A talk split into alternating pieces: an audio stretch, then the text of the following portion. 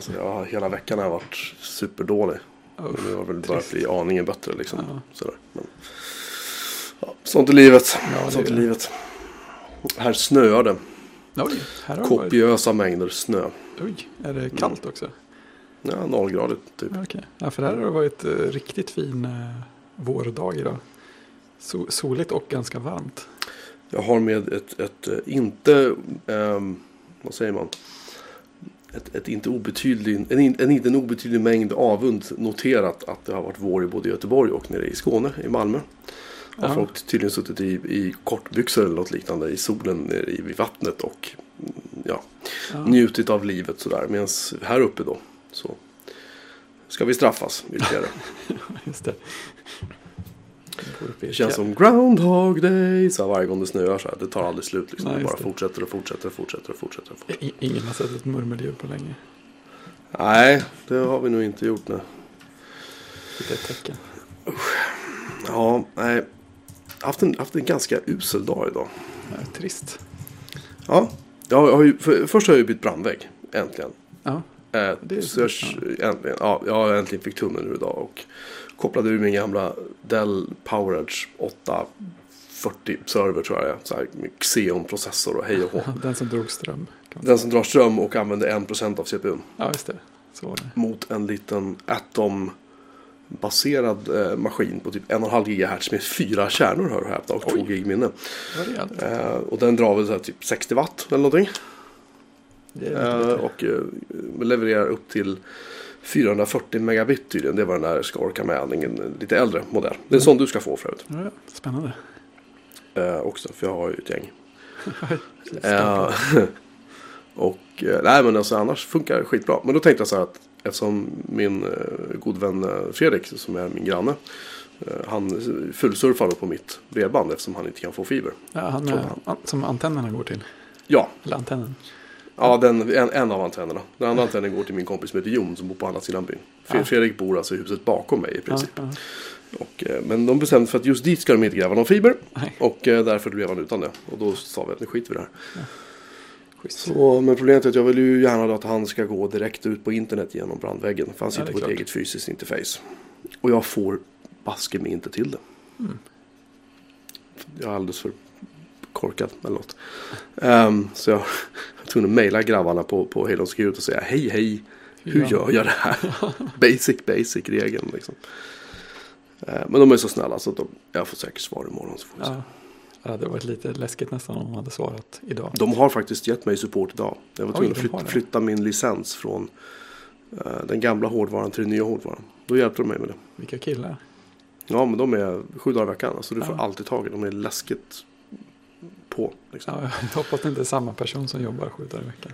Nej, nej, nej. Men de, de, liksom, de är två eller tre personer som sköter supporten. Men de tar det på så extremt stort allvar. Ja, Och det tycker jag är jätteroligt. Man Ja, känner sig verkligen, man känner sig verkligen liksom sedd. ja men sånt, sånt Så- gör ju så himla stor skillnad. Ja, Vilket intryck man får av en tjänst. Det gör otroligt stor skillnad. Så att, nej, men äh, i alla fall. Så att, jag tittade på PFSense. PFSense har en, vad jag tror, eh, dum egenskap. När man har flera IP-adresser på sitt vanliga interface, vilket jag har. Mm. Då i, i uh, Halon Securities, den här security router, då kan du säga så här, okej, det kommer trafik till den här IP-adressen. Då ska den trafiken till den här servern på insidan eller vad som nu ska hända med den. Ja. Men i PFSense så måste du skapa en vad som kallas för en en-till-en-nattning. Det vill säga att du, du låser den inkommande trafiken på ett virtuellt interface. Vilket de andra adresserna blir, för de är ju inte fysiska. Just Då låser du ehm, trafiken på det virtuella interfacet till en host på insidan av din brandvägg. En och endast en. Så har jag förstått det. Ja, Och det Ja. skapar ju vissa problem därför att jag har ju. Eh, Fler servrar är typ bara en mailserver och en webbserver. Det finns lite andra saker som jag också vill kunna eh, använda på de här virtuella IP-adresserna. Ja. Plus att du inte kan använda en till en nattning på den, eller hur var det nu? Du kan sätta en till en nattning på den IP-adressen som sitter på det fysiska interfacet. Det vill säga din första eh, van in, eh. Men då kan du vissa saker du inte kan göra med det interfacet. Det var något sånt här i alla fall. Som, och jag bara tittade på det här och tänkte att nej, Nej, det låter jobbigt. Mina vänner på Heinolds Gute har, de har levererat. Ja, Så de får fortsätta med det. ja det är fint. Sådär. Eh, Men en sån, sån eh, kommer att finnas på din också. En Spännande. gratis licens upp till 10, 10 brandvägsregler. Men i ditt fall så är det bara att plugga in och kör. typ så. Överkurs. Här ska sättas upp regler. Eller hur? Nej men, men eh, tio regler brukar, jag tror att det är fem regler. När du har startat den så är det typ fem regler från Ja. början. För den ska göra nattning och lite allt möjligt. Så. Men ehm, Jag Jag antar att någon har kollat upp om regelsystemet är Turing-komplett. Mycket, mycket lustigt, mycket lustigt. Ehm, vad har vi mer? Just det, jag måste, upp, jag måste ge en liten uppdatering på mitt, mitt BBS-äventyr också. Ja, absolut. För, all, för jag vet att alla bara sitter och bara, vad händer? Som på nålar. Det är ingen som kan lyssna Som på nålar. det. Nej, nej. Eh, vi, har fått, vi har fått så mycket klagomål hela veckan för att det inte har kommit ut någon podd Ja, från oss. Just på grund av att de undrar hur det går för min BBS. Och så här är det, kära vänner. Um, någonstans i världen sitter en kille som har tagit på sig att han ska göra en Amiga-portning av den här programvaran Bink D. Och Bink D är, för de som minns sitt eh, BBS-ande från 80-90-talet så är Bink D en, en version av Binkly Term som i sin tur var en, en sorts konkurrent till ett program som heter Front Door. Front Door skrevs av en svensk kille som heter Joakim Humrighausen. Mycket trevlig karl. De här är alltså mailers. De tar emot och skickar eh, post som kommer från Fidonet eller Fido-liknande nätverk. Fido-Idanet. Amiganet och så vidare. Ja, problemet är bara det att de här gamla programmen, Binklyterm och eh, Frontdoor, gjorde det här helst via telefonnätet, via vanliga modem. ja. Bink, Bink D gör det via internet. ja det är en viss, viss förenkling i i moderna världen. Lite enklare så. Ehm, problemet är bara det att han har tagit fram en version som heter Ami Bink D. Och den är eh, väldigt buggig. Den kraschar hela maskinen med en Aj, aj. stor oregelbundenhet men ändå regelbundenhet om du förstår vad jag menar. Ja, ja. Eh, och väldigt så här. um, Det liksom, gick aldrig liksom riktigt förutspå. Det fanns inte en viss sätt man kunde göra saker och ting på för att göra att det funkade bättre utan det bara dog. Så vad jag gjorde var att jag satte upp BinkD på en Linux-maskin. Kopplade den, eh, monterade upp en NFS-delning på mitt SAN. Sen kopplade jag upp min Amiga mot samma NFS-delning över nätverket. Och det kan man göra sådär bara. Det är coolt. Eh, Ja, det är inte så bara, Nej, men ja okej. det kan man göra. Det, det funkar faktiskt.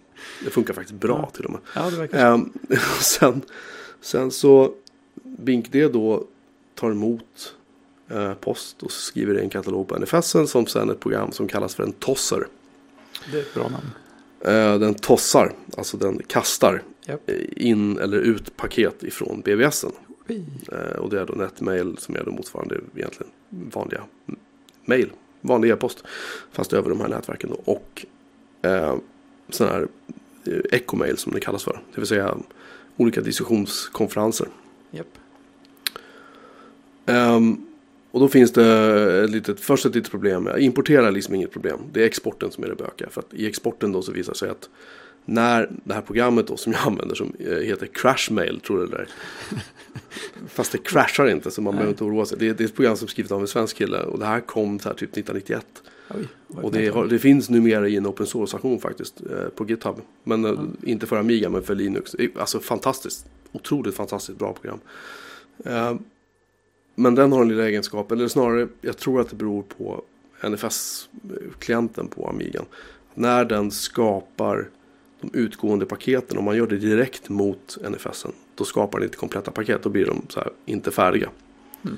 Så får man skapa dem på en temkatalog på Amigan och sen flytta över dem till NFSen. Det är lugnt.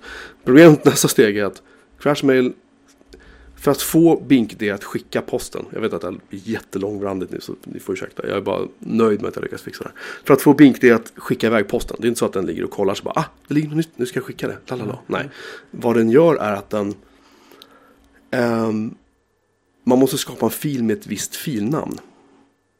Ja, Som okej. den hittar. Och då säger den, ah, och den där filen ska det vara nodnumret.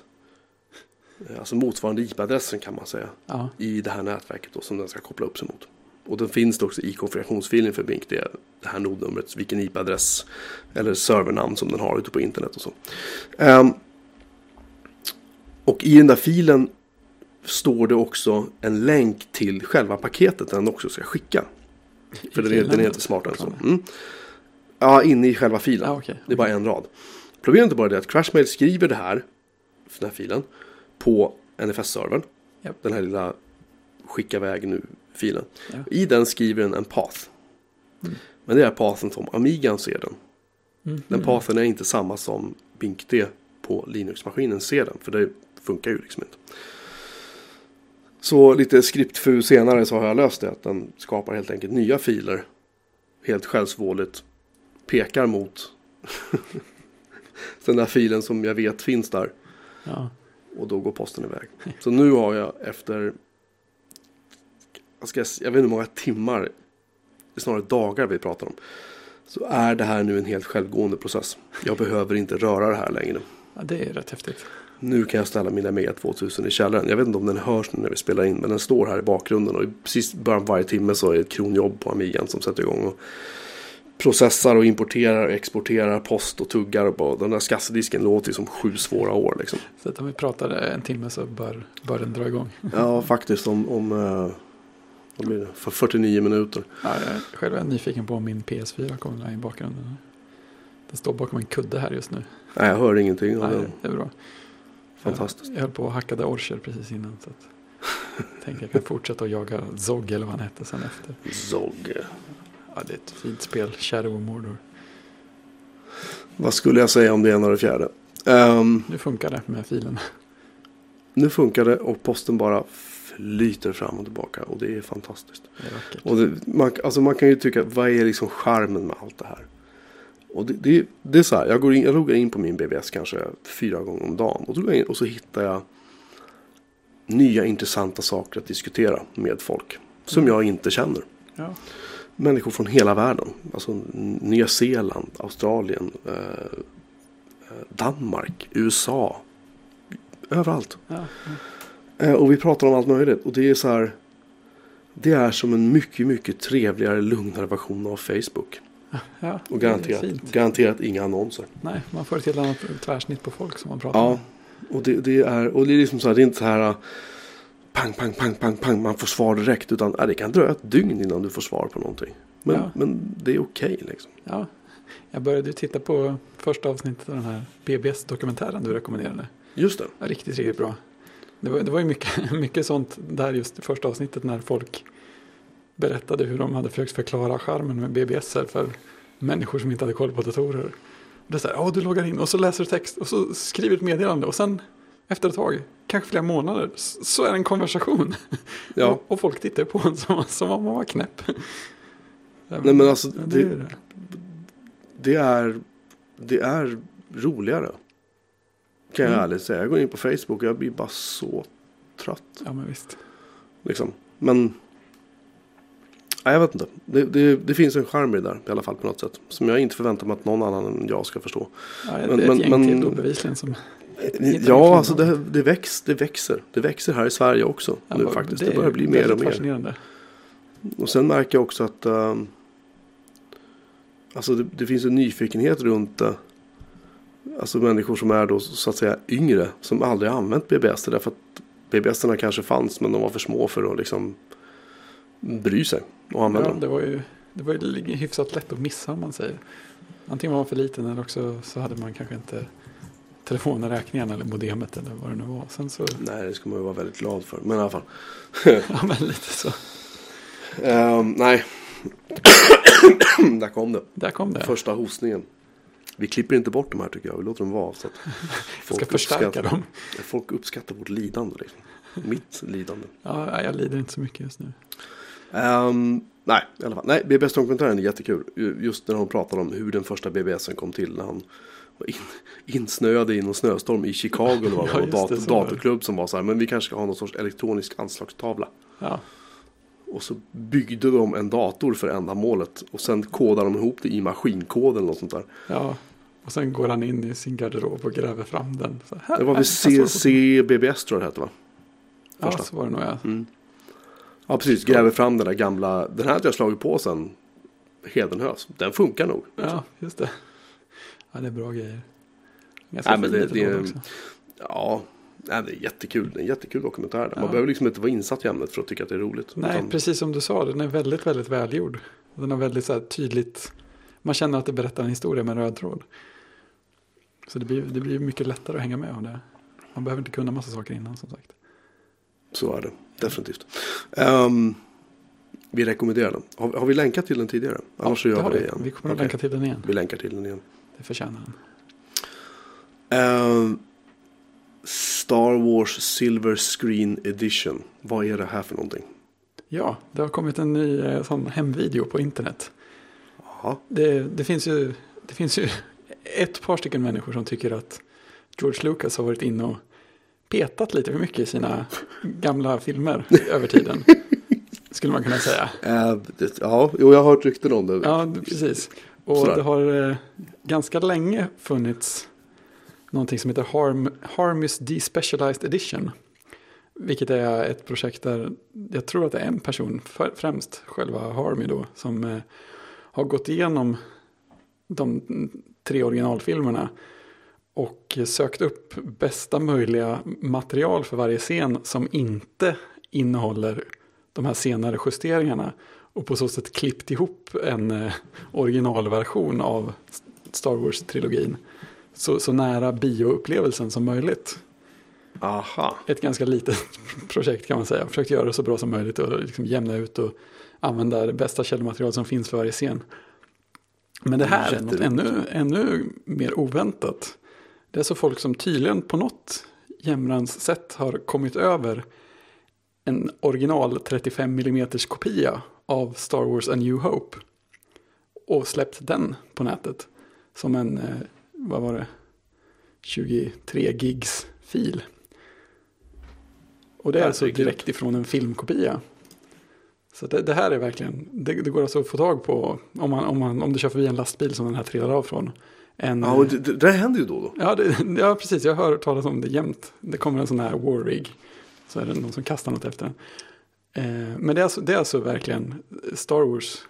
eh, Ja, det som nu heter New Hope. Den hette väl bara Star Wars från början va? Star Wars så som Nej, på. jag tror att den hette bara A New Hope. Nej, bara New Hope kanske. Eller var det bara var det Star Wars A New Hope? Ah, vi kollar upp Ja, sak samma, men det är i alla fall den, för, den allra första Star Wars-filmen från 77. Så som den var på film när den gick på bio. Mhm. Så det är lite, det är lite fräckt. En liten bit historia. Det måste jag kolla. Helt, bra. Helt klart kolla in. Ja, man Verkar roligt. nyfiken på hur det ser ut. Ehm, har vi, vi har en länk till den va? Ja, det kan vi nog- ja, det kan vi nog förutsätter fram. att- Förutsätter att du har en länk. Du har länkar till allt. Det är, Fred, det är Fredrik som gör våra länklistor ifall ni undrar. Det är ingen som kan stoppa mig. Det är, jag, jag lägger in små länkar här och där och sen bara tänker jag. Det här, första avsnittet vore så gjorde jag någon sorts länklista som var kanske jag vet inte, fem, tio länkar kanske. Ja, Och sen kom du bara nej, nej, nej, nej. Pang. precis. 280 länkar liksom. Som det är bra. Um, sen har vi ju andra absolut inte datorrelaterade nyheter. Ja, Det, det vet ju alla om vid det här laget. Det är ju ingen nyhet. Att, det stort på sitt sätt. Kent har bestämt sig för att nu ska de döden dö. Ja. Eh, och du har köpt biljetter. ja, jag gjorde faktiskt det. Eller Alltså, biljett kanske. biljett. Ja. Ja, Ska, du, du, ska du gå själv alltså? Nej, jag har, jag har köpt två biljetter. Men jag vet inte, eh, det kan vara så att min syster tar den andra biljetten. Det kan vara så att någon annan Ann, tar annars den. tänker jag så här att, att, att det har aldrig varit mer lättraggat. Precis. Det, det är ett, ett, ett brett men ändå Så här, Hypotetiskt, hypotetiskt. Singelkille med två Kent-biljetter söker. Precis. Audition på torsdag klockan fyra. Inga problem. Om du nu skulle vara intresserad av det. Hjälp. Det förvånar mig lite att hela det här biljettsystemet faktiskt verkade funka precis som det var tänkt. Mm, nere hos er ja. Ja, Här uppe natt som match. För tydligen var det så att eh, Tele2 Arena Ja, de hade steget. de, de skulle hantera för det där, de skulle hantera det där själva på något sätt. Jag vet inte vad fan som hände. Det låter inte som en jättebra idé. Men, men det var tydligen folk som hade bo, alltså de hade så här klickat i, jag vill ha fyra biljetter och så skulle de gå till betalning och sen så var biljetterna borta. Ja, Lite så. det är ju en klassiker. Nej, jag var förvånad för alla andra var ju Ticketmaster, tror jag de heter. Och där funkade det faktiskt. Jag, först var jag, var jag väldigt tveksam till om jag ens skulle orka ställa mig i kö. För jag tänkte så här, "Pff." jag blir bara anti när jag tänker på hur stor, hur stor grej alltihopa är. Och så här, och det kommer säkert att krascha och sega och sånt där. Men sen var jag inne och tittade på biljetterna och sen råkade den sidan vara öppen när det började närma sig ja, 20 över 11, halv 12. De släpptes ju klockan 12. Och då var på den sidan omvandlade sig till du kommer att ställas i kö-sidan, gör inget. Så att då, då stod jag ju kvar i kö och gjorde något annat. Och sen, så, sen så gick det faktiskt igenom. Så att, ja, det, var, det var en positiv köupplevelse på det sättet. Jag, jag vågar aldrig räkna med att sånt där ska funka. Nej, nej herregud, vad fan ska man... Ja, nej, men i alla fall. Så att ehm, jag, eh, jag gjorde inte ens en ansats till att få tag i biljetter. Varken till den sista eller numera också den näst sista spelningen Nej, på just det. Tele2 Arena i Stockholm. För det är snabbt, av en, bara en ren händelse, så dök det upp en spelning till. Ja, Det hade de tydligen inte alls planerat, för nu är det tydligen två spelningar på varenda ort i hela Sverige. ja. Eh, nästan. Plötsligt, de, de bara såg, shit, det var ju folk som ville komma. Så vi slänger oss inte- telefonerna och ringer arenorna. Har Nej, bokat? jag, jag har inte kollat hur biljettläget typ i Örnsköldsvik och sådär. Så Nej, just det. köra upp dit och gå, gå på kant. Ja. Jag vet inte. Nej, jag är lite sådär. Jag, jag, jag slutade lyssna på dem efter tillbaka till samtiden tror jag. Ja, Då kände jag att nej, nu, nu räcker det. Liksom. Nu är jag nöjd. Jag tycker, jag tycker att de tappade ganska mycket. de, de bytte stil rätt mycket hela tiden. Jag tycker att de Första plattan tycker jag var så här, den, den var lite så här kul. Liksom. Den, hade sina, den hade sina spår som var bra. Sen kom den andra plattan som jag inte ens minns vad den heter för den tycker jag är kass. Verkligen. Um, ja, den är verkligen kass. Eh, och sen kom Isola som är så här, oj. Den var lite grann, jag brukar dra paralleller mellan, det är faktiskt det svåra tredje albumet som vi brukar prata om. Ja, Paralleller mellan typ Pearl Jams utveckling där den först kom en platta som de slog igenom med, sen kom en platta till som lät ungefär som den första plattan. Ja. Fast lite mer så här, lite mer så här klurigt liksom. ja, Och sen kom den tredje plattan där de liksom tänkte att nu, nu ska vi ta steget framåt. just. Och det gjorde Kent med råge med den plattan. Och efter Isola så... Eh, jag kommer inte ihåg vad som kom efter Ja, det. Sen kom Hill. Hagnesta Hill. var- Den var ju... Åh, gud vilken bra skiva. Den tog jättelång tid innan jag kom in i. Jag tror det, Ja. var, det, var, det var nog för många lite så lugnare eller mer nedstämda låtar på rad på något sätt. Ja, den, ja jag, jag, jag gillar den. Jag tycker Ja. den, är, den är i princip från början till slut kan man lyssna på den. Den är helgjuten. Sen, Ja, kom ju, sen kom ju väl en eller två Vapen och ammunition kom Vapen sen. ammunition tyckte jag var så här. Den, den var, den var okej. Den var bra. Men det var liksom...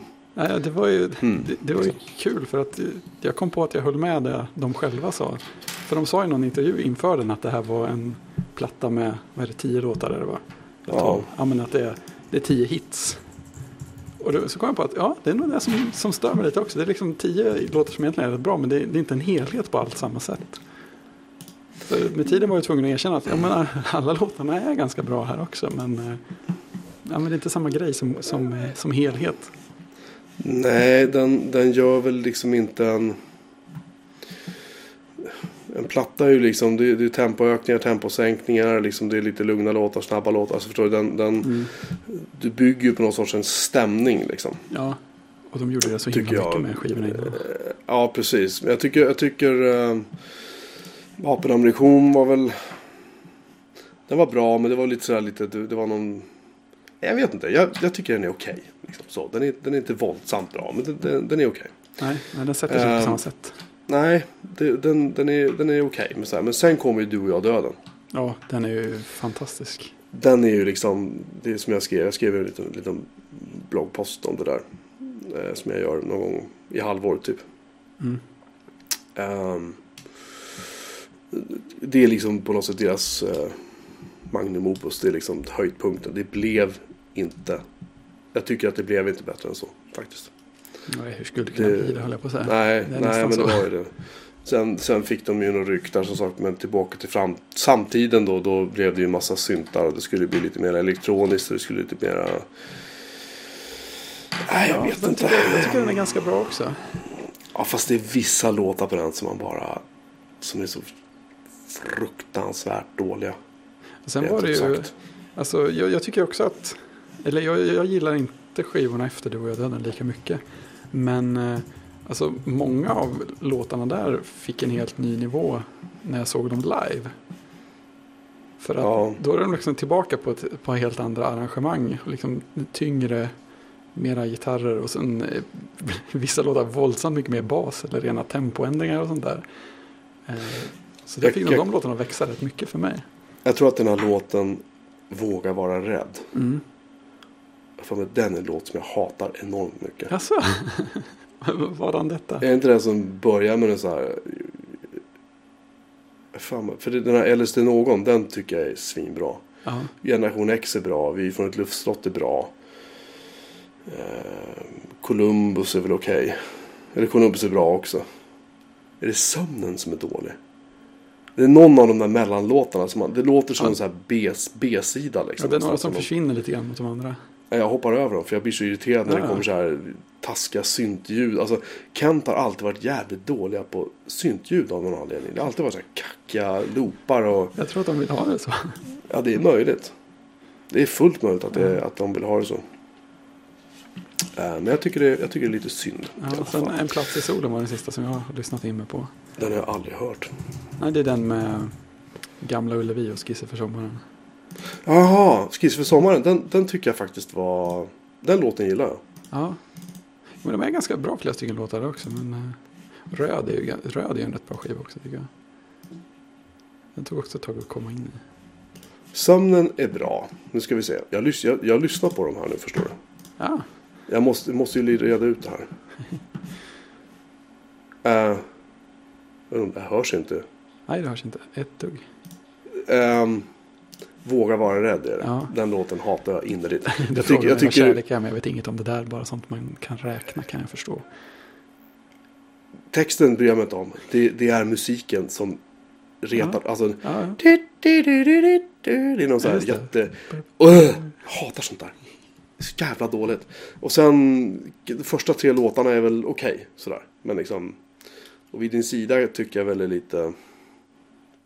ja den är rätt schysst. Det, det, det är sån här blaha-platta. Liksom. Den kunde ha varit så otroligt mycket bättre. Mm. Men, men jag, tycker de, jag tycker de gick bort sig lite bland syntarna. Och så tror jag att de... Sagt, när, man, när man kommer ifrån en, en platta som Du och jag döden. Där det är liksom varenda spår är så fruktansvärt bra. Och samma sak med, liksom, med Isola och samma sak med Hagnesta Hill. Liksom. Och så, problemet tror jag när band har hållit på för länge. När det börjar smygas in sådana här, lite, som jag tycker, dussinlåtar. Ja, Eh, samma sak, så jag nämnde Pearl Jam. Jag kan ta Depeche Mode, ett band som jag har följt sedan jag var tio typ. Jag har inte hört deras tre, tre senaste plattor eller vad det är. Alltså, bryr mig inte. För att de, när de väl har börjat släppa plattor med dåliga spår i, då liksom börjar man... jag tror att de Mm, ja, man, jag vet inte, man tappar lite sugen liksom. Just det, jag är inte rädd för mörkret. Alltså den är faktiskt rätt bra rätt igenom också. Vilken är det? Är det också Eh, Kent? Ja, den, ja vilket år det hört talas om. Nej, iTunes slänger sådana stora knappar och elände framför saker som man inte kan. Jag är inte rädd för mörker. Ja, eh, men Jaha, där, 2012. 2012 ja. Och sen har de Röd, En plats i solen. De har släppt tre plattor sen jag slutade lyssna på dem. Tigerdrottningen, förlåt. Ja. Fyra plattor. Och sen kommer det inte än nu också. Ja, det är möjligt. Vad fan, de släppte Jag alltså... har inte lyssnat någonting alls på nästan. Jag tror jag har lyssnat igenom kanske två gånger. Alltså nu, det här är ju, det här är ju konstigt. Ja, ja, jag kanske får ta och lyssna lite på. Vem vet. Det, det är konstigt med alltså, Jag är inte rädd för mörkret. Den är mystisk för den har så här. Jag tror att eh, Jocke Berg har eh, snöat in på H.P. Lovecraft. Det är massvis med H.P. Lovecraft-referenser om urtidsgudar och som inte vill bli väckta och som döljer sig i djupen och sånt där. Det är ganska roligt. Du tänkt på hur många låtar Kent har gjort och det är siffror som... som Ja, det är ett par Där har vi stycken. ni- 999 på Jag är inte rädd för mörkret. Ja, Och så har vi 400 slag på Du och jag döden. ja, Och så har vi Hagnesta. Hill Revolt 3 finns där. Max och så 500. Har, max 500 och så har vi 747. ingen, ingen på vapenarm på 747. Eh, det var någon till jag tänkte på. Finns en ruta ett på Jag är inte rädd för mörkret också. Ja fast ja, ja. Ja i alla fall. De har gjort ett gäng i alla fall. Ja, ett par stycken låtar. Ett par stycken med siffror i. Det tycker jag. I alla fall. Eh, detta om detta. Kent är, det här är väl året då Kent helt enkelt eh, lägger ner. Jag tror att jag tror återförening om typ så här, tio år. Ja, jag vet inte riktigt vad jag ska, vad jag ska tro där. Det, Ja men för, för, alltså Jocke Berg han. Ja de två bolag jag har hittat. Eller tre bolag. Var två bolag som jag har hittat åtminstone. Där, där ligger det mot totalt tror jag, 22 miljoner kronor i kontanter. Eller i kapital. mm, Han behöver inte jobba en dag till i sitt liv. Det behöver inte de andra heller göra. Det är inte det. nej. Men eh, jag, han kommer säkert fortsätta prodda och skriva låtar och spela in med andra och så. Men vad de andra ska göra efter det här. Ja, alltså, Där de tvistar för de känns som att de har legat jävligt lågt liksom. ja, men jag tror att några av de andra har producerat lite grejer också faktiskt. Är det så? Ja, jag har för mig att jag har hört det. Jag är så här syskon som är, har mer koll på musik och sånt där. De Martin ibland- Sköld har sidoprojekten Peking Laundry och Closure. Closure. Martin Sköld har faktiskt flyttat till Mariefred. Han har en väldigt god smak. Nu ska vi faktiskt kolla en sak. Kent har ett bolag som heter Parkbänken AB. Det är schysst. Eh, I Älvsjö. För det är där deras studio ligger. Aha. Och det här bolaget Är det den som heter 2015, Sydbunker? ja, 2015 hade de en omsättning på 310 000 och gick 68 000 back. Och har 200 000 i, i kapital. De var i princip 2014 gick de på 100 000 plus. Går lite plus minus där. Och så kollar man på liksom med de enskilda de enskilda medlemmarnas liksom kapital, hur mycket pengar de har. Det är rätt det är mycket mer. Om jag uttrycker mig milt. Ja. Milt sagt liksom. Det är skönt att någon fortfarande kan leva på musik eller? Marcus Mustonen, hans andra namn är Randolph. Oj, det hade man inte gissat. Eh, det är bara sådär. Ja. Nej, men Martin Sköld han har något band och så har vi Marcus Mustonen. Han har spelat med Ni- Nina Rochelle live under 2003.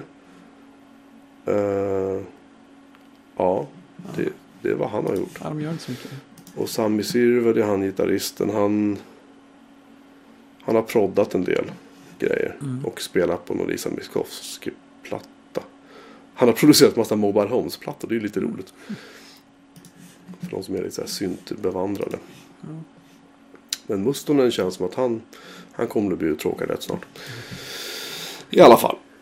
Ja. Vi kan lägga Kent till handlingarna för den här gången. Ja, nu måste jag lyssna in på de nya skivorna också. Så att jag får valuta för biljetten sen.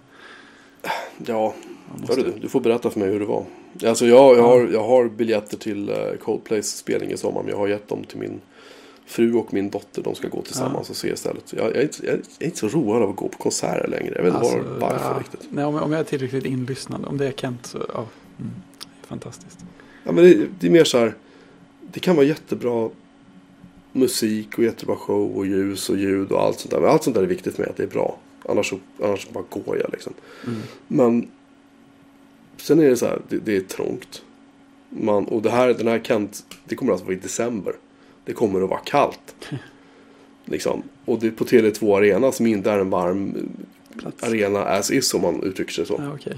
Eh, Det finns inga uppvärmda stolar åtminstone där man kommer att hamna som vanlig publik. Eh, Och sen så är det så här. Folk röker och folk tränger sig och man hamnar längre och längre från scenen för att folk trycker sig före. Och det är... Ah, jag orkar, ah, jag, jag pallar inte. Nej, Jag köper, TV, köper Blu-ray istället sen och kollar på ja, Liksom. det. det låter inte fel det heller. Nej, Nej, det, faktiskt. nej men det är ja. mm. Jag är, så jävla, jag är så jävla tråkig. Ja, Sverige. alltså, jag är jag, så kan tråkig. känna antingen ska man stå jättelångt bak eller så ska man stå så långt fram det bara går. Och de gånger jag har varit på Kent så har jag i princip varit så långt fram jag kan. Vilket är ganska långt fram men inte framme med de där riktigt eh, superentusiastiska. Ja, Men, nej, jag orkar inte stå där framme. Jag var, jag var på en, en Nine Inch Nails-spelning i eh, Hultsfred 2005 tror jag det var. Då stod jag längst fram i typ tre låtar som var helt ja, mörbultad. ja, jag kan tro det. Väldigt tryck var det. Ja. Jag undrar vad de kommer köra för låtlista på en sån konsert. Ja, det, det ska bli spännande att se. För sagt, det är ju, de har ju rätt mycket plattor att ta av. Men Ja, de har ju det. plus att de släpper en platta till nu Ja, inför visst. turnén. Så att jag skulle tro att de här gamla hittarna kommer de säkert att bränna av ett gäng. Men, men eh, Jag vet inte, den här LSD någon, det är ju, det är ju en sån här riktig möljarlåt på något vis. Liksom. Den är som gjord för att spelas live kan jag känna. Kan de, kan de avsluta med något annat än mannen i vita hatten? Ja, eller eh, 747. Ja, 747 eller, första som mannen i vita hatten som Ja. sista extra. Ja, det brukar vara det sista är låt rätt tydligen. vanligt men oj, oj vad bra. Jag, jag, såg, jag såg dem på Jag tror det är Storängsbotten som ligger uppe på Djurgården i Ja. Stockholm. Eh, när de, på den här Du och jag döden turnén. Då var inne i någon sån här, De här nej, tältturné var det, precis. Norra. Europas största tält, båda. Mm. Det, det var faktiskt eh, Det var en jävligt bra konsert. Ja, jag har hört det också. Alltså, är jag, jag såg dem på, jag vet inte vilka gånger jag sett dem, men, men de har varit grymt bra varenda gång. Ja, jag har sett dem två gånger. Men äh, skitsamma. Ja, Eh, jag, jag, är, jag är väldigt nöjd, nöjd så. ja det, det är så schysst, ja, vilken turné det nu var. Men en av turnéerna då jag, då jag såg dem så, finns, så fanns det en rätt skön bootleg-inspelning från när de spelade i Eskilstuna. Mhm. Så här, hur mycket folk som helst och det är inspelat, alltså det är ute i publiken. Så det, man, hör ju, man hör ju musiken riktigt bra men man hör också hela publiken. Vilket ju blir så extra gåshud när man har liksom varit på i princip samma, samma låtlista, samma upplevelse själv. Men, men man, hör, man hör ju så här så att publiken sjunger med på alla låtar hela tiden. Ja. Och sen finns det ju några enstaka ställen där, där Jocke byter ut ett ord och så här hela publiken kommer av sig. Det är jättefint. Jag har, jag har, en, har en hyfsad bootleg från eh, Depeche Modes Violator-turné 1991. Det var faktiskt den första... Jag tror att det var den första konsert jag gick på. Coolt. Det var den turnén och det var, ju, det var ingen dålig turné. Eh, problemet bara att den har aldrig släppts live. Ja, Alltså officiellt utan har bara varit bootlegs. ja. Eh, vilket är skittråkigt för det, det är den och den efterföljande den här um, Devotional-turnén är ju de två bästa de har gjort tycker Ja. jag. Eh, men eh, i alla fall och då eh, jag minns precis som du säger just när man, jag fick tag i den här bootleggen och lyssnade så kom allting tillbaka liksom. ja, det är så grymt. Men problemet är att folk sjunger så jävla falskt. man blir- galen av att lyssna på det. Ja, då är det jobbigt. Och skrek och pratade. Och det är också en grej som jag kan störa på när folk vet man är man är på konsert så är det en lugn låt. Det är så här känsligt. Som jag Ja. var på Nine Inch Nails eh, på Hovet när de var här sist. Och då spelade, det var någon lugn låt och det var så att man bara, åh gud, man står och njuter och det är så perfekt gjort och det är live och det är bra ljud och det är skitbra ljus.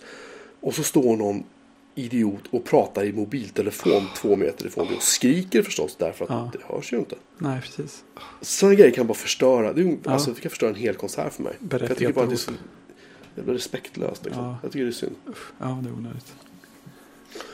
Ehm, men ja, nej. Jag, jag vet inte, jag, jag kanske aldrig mer kommer gå på det. Jag sa att Kraftwerk ska komma till Stockholm i sommar. Men jag tror jag skiter i det. Ja, Jag har sett dem så många gånger. Jag tycker det är, det är gjort. det är gjort. Man har sett dem. Den här turnén har jag sett två gånger tror jag. Den här med tredje glasögon och hej och hå. Det är, de kör samma sak om och om igen. För det är inte så att de gör nya plattor direkt heller. Nej, inte jätteofta. Så att, eh, nej. Nej. Skit i det. I alla fall. ehm, just det, jag måste ju berätta vad jag hittade i min skräphög. Ja, det här är ju verkligen spännande. Det bara dök upp precis innan vi skulle börja spela in. Ja, ja jag ehm, hittade en CR48. Ja, och jag var ju tvungen att kolla upp vad det var för något. ja, CR48 är Googles första Chromebook. Det Och det var, häftigt. den, den släpptes som Google delade ut 60 000 sådana här oj, oj. gratis till folk mellan december 2010 och mars 2011. Ja, Och i gengäld så bad de bara så här, okej, kom tillbaka med er feedback, så här, förslag, buggrapport eller bugg, så här, om ni hittar buggar och så. Eh, och den var också tänkt bara för test. Den såldes alltså aldrig. nej, Sen kunde man få tag i de här på typ Blocket för, jag köpte den av en, en kompis för 500 spänn. Eh, den här, mest för att jag ville testa den. Och den är våldsamt lång, den är så slö. Så att det är, även om den alltså bara bokar Chrome OS så du bara har en webbläsare så är den alltså jävlar vad långsam den är.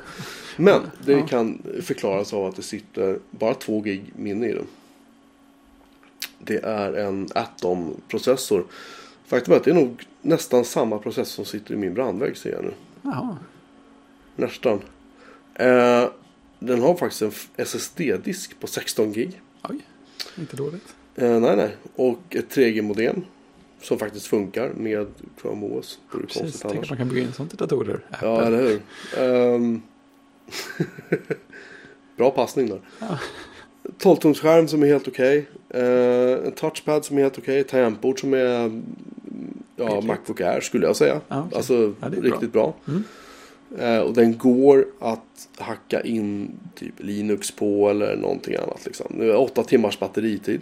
Ja. Den har ett, en, en sån här gummiyta som är lite småsträv så att man tappar den. Alltså det är överlag en ganska okej dator liksom. Ja. Det, känns, det känns som Ehm. att eh, Chromebook hårdvara har fått ganska hyfsade betyg ganska ofta. Alltså senaste generationerna är, ju- det finns ju från Samsung och ett gäng andra. De är tydligen riktigt bra liksom. Ja, Eh, Men det, det är sådär, jag, jag skulle inte ha någonting mot att ha en Chromebook om jag bara kunde öppna en terminal. ja just Sen hade jag varit nöjd. Det där tar stopp. Det är där tar stopp. Men om jag, ska, jag har installerat nu så jag kan köra terminaler på den här Chromebooken som jag har. Mm. Eh, Men då öppnar den ju det som en... Jag vet inte vad det är, om det var det skrivet i, men det hamnar ju i webbläsaren. Så Ja, jag, kan, ju- ja, jag kan ju det. inte öppna upp en terminal och skriva nu vill jag kolla vad jag IP-adress på den här Chromebooken. Utan Nej. vad jag måste göra är att då kan jag bara säga, okej du vill läsa så någonstans, grattis. Var vill du läsa så då? Ja. Eh, dit, okej, då gör jag det åt dig. Det kan man göra. Och det, det är väl hyfsat, men det här sitta och skriva kommandon, det, det, det får man inte göra på den där. Nej, okej. Även, även om den, den kör ju alltså Linux i botten. Ja, det gör ju det. Så, Ja, i alla fall. Jag vet inte vad jag ska göra med den här datorn. Om jag ska försöka hacka den och installera. Man kan ju installera något annat på Går det att installera nyare Chrome OS på den? Liksom låst till det den hade? Eh, nej, jag har uppdaterat den. Jag har inte uppdaterat den nu, men jag har, uppdaterat den tidigare. Men det går faktiskt att installera Debian och Ubuntu och ett gäng andra.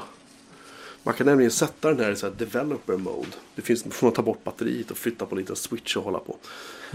Ehm, sen så kan man installera, man får bota upp på någonting och, och sen så ja, trycka på lite knappar i en viss ordning och så får man Oh, Konami då hamnar man faktiskt i en kommandoprompt.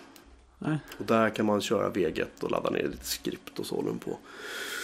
Men eh, den här instruktionen är skriven för det finns en Ubuntu 12.04 finns det en version för som man kan göra. Det vore i och för sig, den är alltså skriven 2012 den instruktionen så det vore ganska kul att testa. Ja, lite så. Jag ska nog pröva det tror jag. Annars vet jag inte. Om någon vill ha en CR48 kan ni höra av er. Ja. Det vore lite spännande att testa en ny Chromebook någon gång. Ja, jag har har aldrig försökt. sett den på riktigt överhuvudtaget vad jag kan komma på. Jag har sett det. Jag har försökt låna från, från eh, Samsung och några andra. Ja. Men de är, alltså, de är inte intresserade av att låna ut dem. Nej. De, de, jag vet inte. Det är precis som att de inte vet vad det är.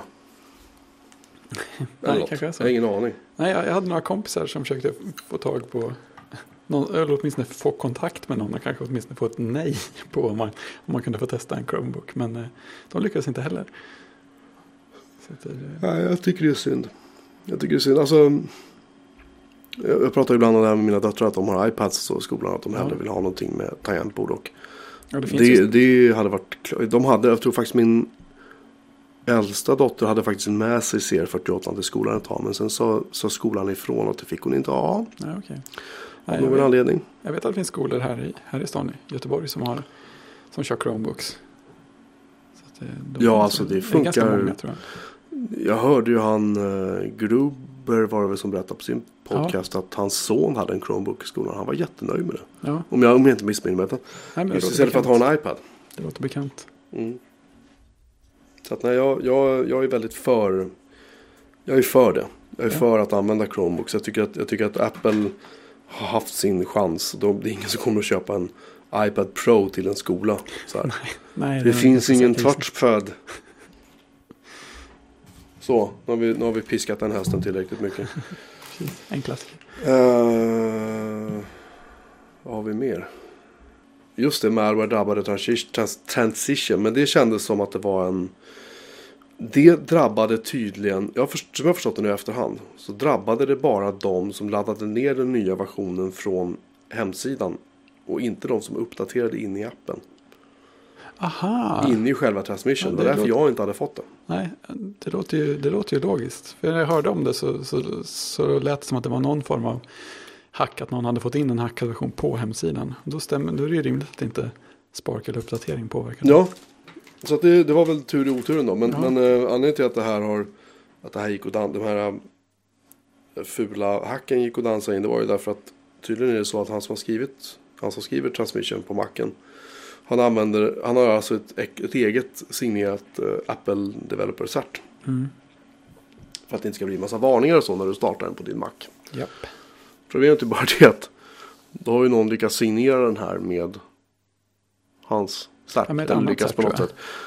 Ehm, var jag vet Jag tror att de hade ett eget cert faktiskt. Jaha, okej. Vilket ju är Ja, ambitiöst. så. För att eh, jag hörde sen några dagar efter att Apple hade snabbt dragit in det i andra certet. All right. Ja men då så. Det, Ja. det, var ju, det var ju bra att de inte hade lyckats plocka hans. Ja, det precis. Det är ändå, det är ändå positivt. Eh, men i alla fall. Den, den historien kan vi också lägga till handlingarna för att ehm, Ja. Det är väl överspelat nu. Nu. Nu, Det här är ditt påhitt alltihopa. Så, just det, det var jag som eh, började. Varsågod Fredrik. Jag kände att det, här, det, det fanns ju ett ämne som på något sätt ganska mycket nästlas in i både våra och eh, alla andras liv. Och som vi faktiskt inte avhandlat än. Men man kan, väl säga, man kan väl säga att vi nämner saker som har med att göra i princip hela tiden. Och det är webbläsare. Yes. De är ju ganska centrala är- i våra liv. De är där vare sig vi vill eller inte. Ja, exakt så. Och vi, kan man väl lugnt säga. vi, vi jobbar ganska mycket med dem och använder dem ganska mycket på fritiden. Och så. Så det, kände, det kändes som ett ämne för oss. Tyckte jag. Det tycker jag är en bra idé. Eh, Då kan ju du börja med att berätta. Vilken var den första webbläsare du körde? Och när var det? Eh, oj. Ja. Jo. Den, den första som jag vet, som jag minns tydligt så, var ju någon slags version av eh, mosaik Mosaic på, på gymnasiet. Och jag tror att det var precis innan vi faktiskt skaffade någon internetuppkoppling hemma. Ja, det var väl typ Windows 3.1 på något våldsamt långsamt nätverk. Det var chockerande hur långsamt saker kunde gå på det där nätet. Men eh, ja, det var nog den första, någon mosaikversion där. Och sen, sen hamnade man ju i Netscape och i träsket som alla andra. Jag tror jag han laddade ner och testade några andra sådana här versioner. Någon, någon här som hette Cello och inte stödde bilder och sånt där. De, de blev omoderna ganska snabbt. Jag tycker det, var, det, det var inte, det var en tid där de första, första internetabonnemanget så jag vet inte om man till och med fick med både Internet Explorer och Netscape. Eller hur det var, men det man fick med fick i alla fall plats på en diskett. Jag för mig att det var bara Netscape. Ja. Ja, vi hade, Ehm, jag vet inte vad vi Ja. började med faktiskt. Jag tror att vi hade Tele2 först. Men eh, ja. ja, jag kommer inte ihåg. vad Jag hade. Alltså vi hade det ju på jobbet. ja. Ehm, hemma tror jag att jag använde. Alltså jag minns, jag vet vi hade, för att jag jobbade på IDG då. Och då hade IDG någon deal med något, något av de här bolagen via ja. Internet World. Att alla vi anställda då skulle få. Vi hade det så dial-up till så svinbra pris liksom. ja. Jag, kan, jag kan inte komma ihåg. eh, vilken leverantör det var. Nej, Det var inte Algonet i alla fall. Det var någon av de större. ja just det. Eh, Algonet, ja, de hörde jag talas om. den första lä- webbläsare jag använde. Mm. Jag är rätt säker på att du inte har använt den. Ja, det kan jag tro. Det är IBMs Web Explorer för OS2. Ja, det stämmer. Den har jag inte använt. Det är korrekt. Den, den ingick i uh, OS2 eh, version 3 eller Warp som man också heter. Warp, ja. Det hade jag några kompisar som, som hade, fick tag på på något sätt. Stora lådor med massa. Och det var CD till och med. Det är stort. Och det ironiska med den här webbläsaren är att den ehm, släpptes i sin första version i slutet på november 95 och i sin sista version i slutet på november 1998. Så de, de, och det var, då gick den från version 0.91 till version 1.2. Men tydligen var det så att direkt efter att IBM hade släppt den här versionen ihop med OS2 Warp. Eller OS2 version 3. Så sparkade de hela teamet. Och när OS2 Warp 4 kom. Så var browsern fortfarande med.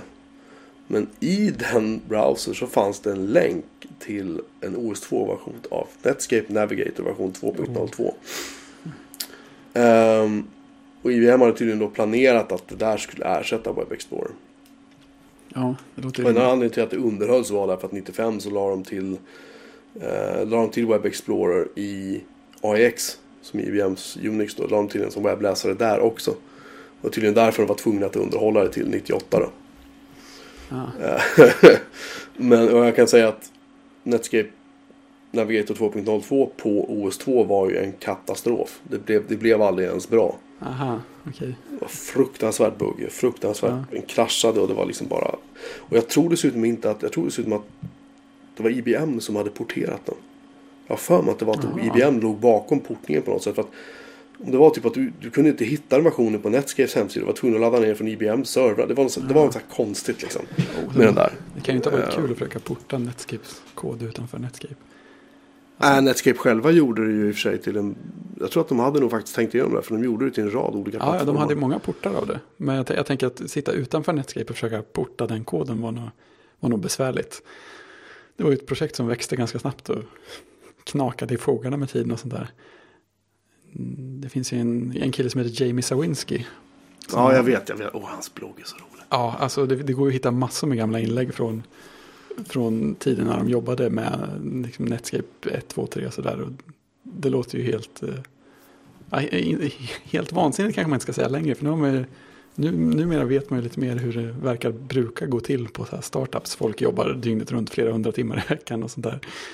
Men Man, man läser det från precis början av 90-talet. Så, ja, var, de, de, de var tidigt ute med det där. Det låter inte klokt någonstans. Nej, men jag minns, jag läste just att han... ehm, de jobbade liksom dygnet runt och Ja, ehm, sådär, duschade en gång i veckan typ och, och sov i princip aldrig hemma och jag vet inte vad det var. Det var väldigt... ehm, det var geggigt. Ja, precis. De byggde en webbläsare Ja, ett tag. Ja, det gjorde de. Och den var som sagt eh, katastrofal. Men dessutom var det så att den versionen som fanns av eh, Navigator 2 som den kallas för. Alltså Netscape Navigator. Ehm, den, det var alltså en beta. Ja, den till OS2. Ja. Så pass. Ehm, och i 2.0 då fick det var alltså också med funktioner från Netscape Navigator 3. Ehm, Jaha, det var sådana. viss, vissa funktioner. Mm. Eh, Så att det var liksom någon sorts hybrid. Det var därför den var så konstig. Liksom att, och jag har att den släpptes aldrig. Jag minns inte riktigt om det kom så många versioner för Netscape Navigator för OS2 Nej.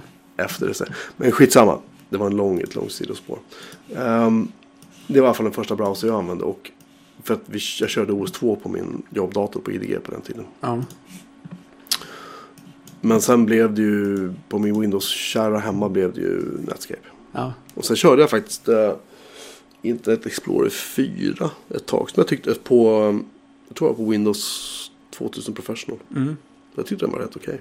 ja, men 9.4 var väl rätt, rätt Ehm, schysst. ja, Det, det. det är roligt med Netscape 2. Har ju en, en, en annan stor, ett annat stort bidrag till världshistorien. Nämligen, Mhm. nämligen JavaScript.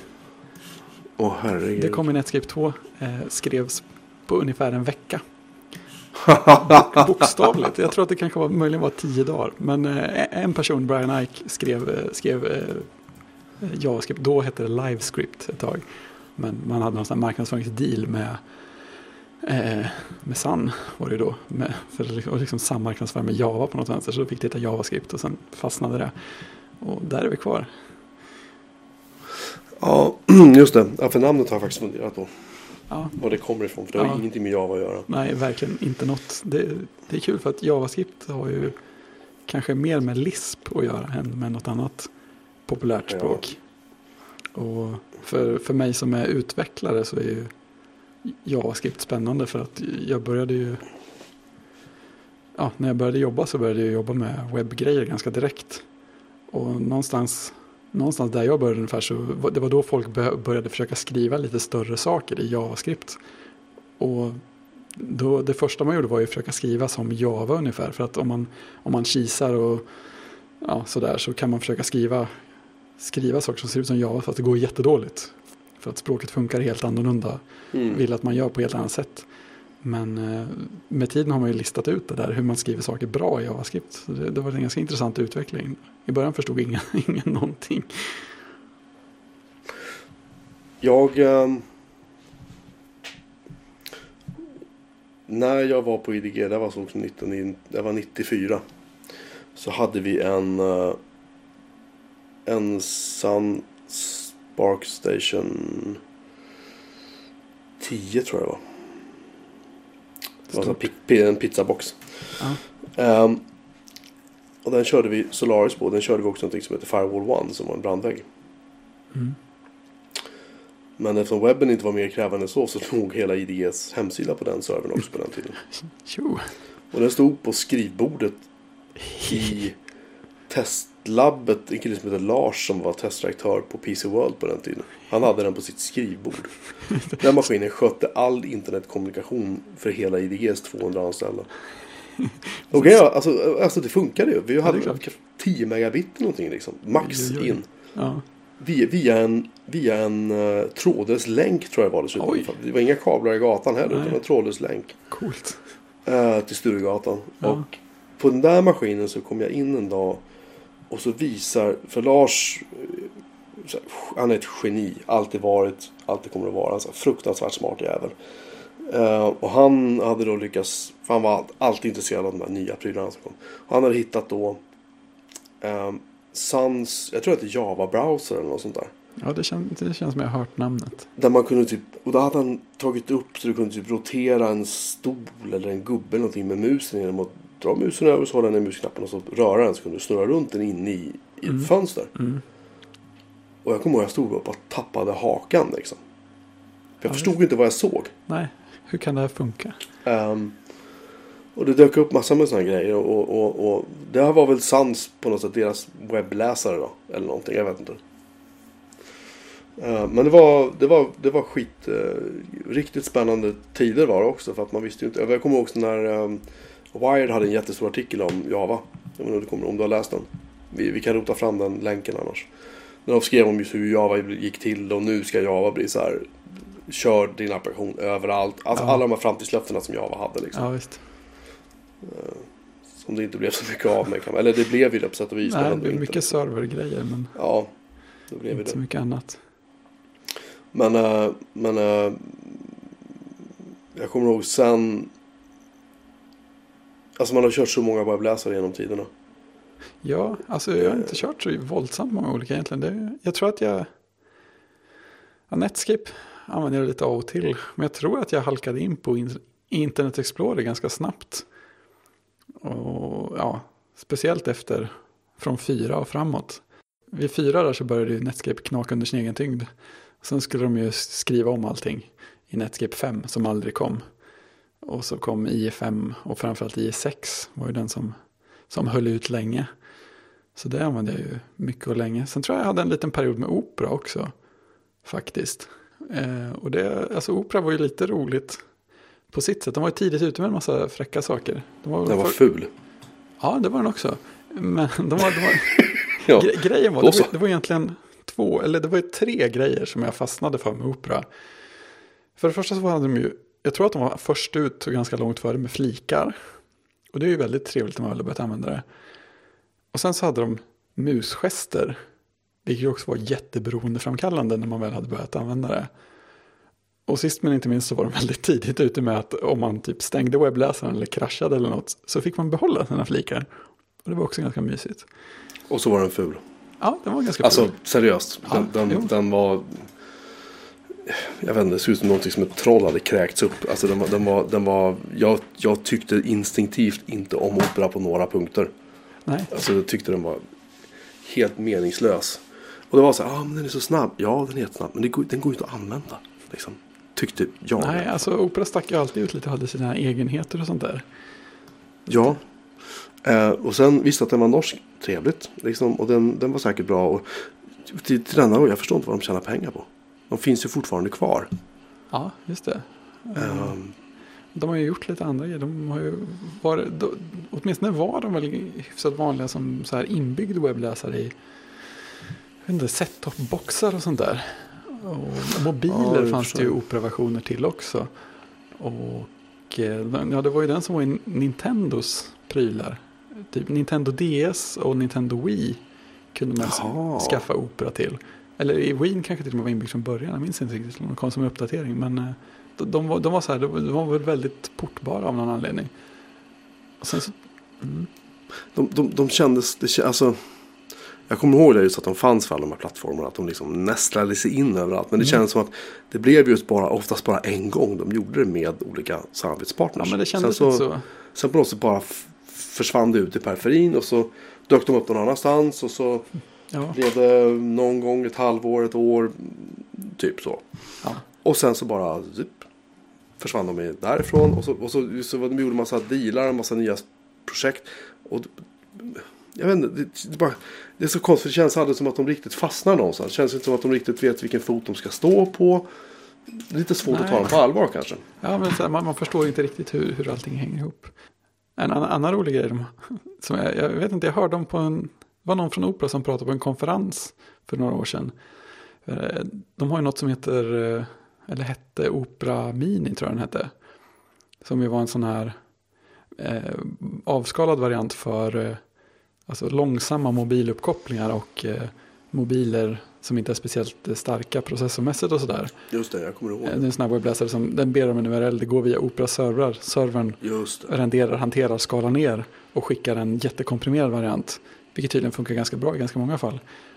Men den måste ha varit ganska, ganska framgångsrik ändå. För att de, de, de berättade att de hade serverfarmen för det där i sitt eh, huvudkontor i Oslos källare. Och, det där hade bara växt och växt. Så att de, de stod för så här flera procent av Norges totala datatrafik på nätet ut. Det är ganska coolt. Ja, det är coolt. Jag vet fort, ja, återigen så jag vet inte riktigt hur man tjänar pengar på den grejen. För Opera Mini var ju gratis, men, eh, men det är coolt. Opera känns lite som Axis. Så här bolag som är fullt med så här supersmarta människor. Ja, men Axis som- vet man i alla fall eh, att de säljer grejer. Ja, ja, men, men de, de har ju lyckats ta sig vidare. Men jag tror att Ja, just det. Eller Axis kanske är ett dåligt exempel. Men just, just så här bolag, det finns massor med så här bolag där det, liksom, där det jobbar tonvis med smarta, smarta snubbar och Ja. flickor. Och Ja, så. men visst. Men det känns som att de är just... Transmeta är ett bra exempel. Ja, de var häftiga. De var häftiga. De gjorde tydligen, vad jag förstår, den här processorn de tog fram. Som tydligen kunde då ehm, översätta kod mellan olika plattformar eller vad det nu var. Den, jävligt konstig. Ja, det var, det var, det var fräckt. Ehm, och Linus Torvalds här för mig jobbade Ja, han jobbade där ett tag. Det var väldigt hallå om att just att han började där och så. Ja. Spännande. Just det. De hade någonting som heter Code Morphing Software. Som kunde alltså dynamiskt översätta x86, binära x86, x86 instruktioner. Och sen kunde de tydligen ta, just det, så var det, att de, skulle kunna, de kunde ta applikationer för olika ehm, vad heter det, arkitekturer. Ja, Det var prat om Spark, Alpha, you name it. Liksom så. ja. Och köra på samma, Eh, en och samma köra, köra på en och samma plattform. Det är rätt galet. Och ehm, de släppte sin första produkt i början på 2000. Sen börsnoterades de i slutet på 2000. 2003 släppte de nästa processor. 2005 körde de, började de licensiera ut sin teknik. 2007 sparkade de folk. 2009 blev de uppköpta. Av. Ehm, Nova Fora Okej. De. Patenten såldes till Intellectual Ventures. Nova Fora försvann i augusti 2009. De la ner. Okej. De, köp, de köpte alltså, trans, Nova Fora köpte Transmeta i januari 2009. Augusti 2009 försvinner företaget. Mm. Eh, Transmeta de släppte, de släppte två processorer som var X86-kompatibla. Crusoe och Effici, Effición. Ja, Crusoe, det känner jag igen. Crusoe kommer jag ihåg. Ja. Eh, ja, i alla fall. De hade eh, Linus Torvalds, Hans-Peter Anvin, David E. Taylor var de som jobbade där då. Det var tydligen lite, men det var, det var ett väldigt halabaloo om det där. I alla fall. Det kan kännas lite grann som att de, jag tror att de på, på opera tror jag, det är kanske är orättvist att säga, men det känns som att de ibland lite grann uppfinner saker som kanske egentligen inte behövs i långa loppet. Eller, eller snarare att de uppfinner saker som rest, omvärldens liksom, utveckling ganska snabbt äter upp deras försprång. Liksom. Ja, eller att det, ja, men det är så här försprång. Så här, ja, men det här, det, här är, det här är fint. det De så coolt. k- konstiga lösningar. Men Ja. ändå, de ska ha respekt för att de finns kvar. Absolut. Ja, jag, jag, gillar de inte det. jag gillar inte det som webbläsare. Nej, de har lyckats med någonting där. Ja, De, de har väl för övrigt lagt ner sin egen, sin egen renderingsmotor också. Som de kör väl WebKit va? Ja, de kör Blink. Ja, just det. det är, det Googles motsvarighet? Ja, Blink är Googles eh, fork av WebKit. Just det. WebKit har ju erövrat världen. Det, det är ju fascinerande också. Först var det ju, ja, det var väl Netscape ett litet tag. Sen tog IE över hela världen. Och sen så vid IE 6 ungefär så stannade utvecklingen. Då kom Firefox istället. Ja, det, det tog Ja. en stund. Ja, Det tog en bra stund innan det började det hända någonting. Men eh, alltså den där pausen var ju på något sätt ganska bra. För det var, det var väl någonstans där som det här med ja, standard är ganska bra. Och folk började lista ut hur man kunde använda alla grejer som, folk, som Netscape och IE hade uppfunnit under de där åren. Sen blev det faktiskt någon slags konkurrens igen när, ja, det var väl när Firefox började få någon slags luft under vingarna. Um, ja, för de växte ju helt plötsligt. De gick ju från ingenting till, till att bli superstora. Ja, det, det tog ju ett tag i början. Ja, fast jo, men när det väl började liksom. När Ja. folk väl började ledsna på IE. För då fanns ju ingenting annat att köra egentligen. Nej, speciellt inte på Mac. nej, nej. nej, I, 5 för Mac fanns ju. Den var, den var ju bra en stund men den hände ju inte heller någonting med. Alltså. Den, precis, IE5 för Mac innehöll ju mycket av det som IE6 för PCn innehöll. ja, det var något sånt där. Ehm, vi ska se vilken version det är jag tänker på av den webbläsaren som jag tycker är fantastiskt Just det. bra på alla sätt och vis. Och det är inte helt överraskande OmniWeb. Ja. När började Den- du köra den? Den började jag köra. Jag var inte våldsamt förtjust i Internet Explorer. För alltså, på Nej. OS, MacOS 9 och sådär. Så var det ju IE som gällde. Liksom. Mm. Det fanns ju inte så mycket annat egentligen. Sen kom ju OS 10. Och då funkade IE via eh, Carbon. Det var så illa till och med. Det var så illa. Ja. Till en början. Jag tror... Jag kan minnas fel. Jag behöver egentligen kolla det. Eh, kära lyssnare, ni får ursäkta. Ja, Jag funderar på det här, vilken, vilken webbläsare jag körde i början innan Safari kom. Jag hann ju ändå använda Mac lite, lite grann. Jag har för mig att det var så att version 4 släpptes för oh, MacOS 8.1. Version 5 släpptes i början på januari 2000 och då var det för den första OS 10-versionen. Uh, eh, ska se.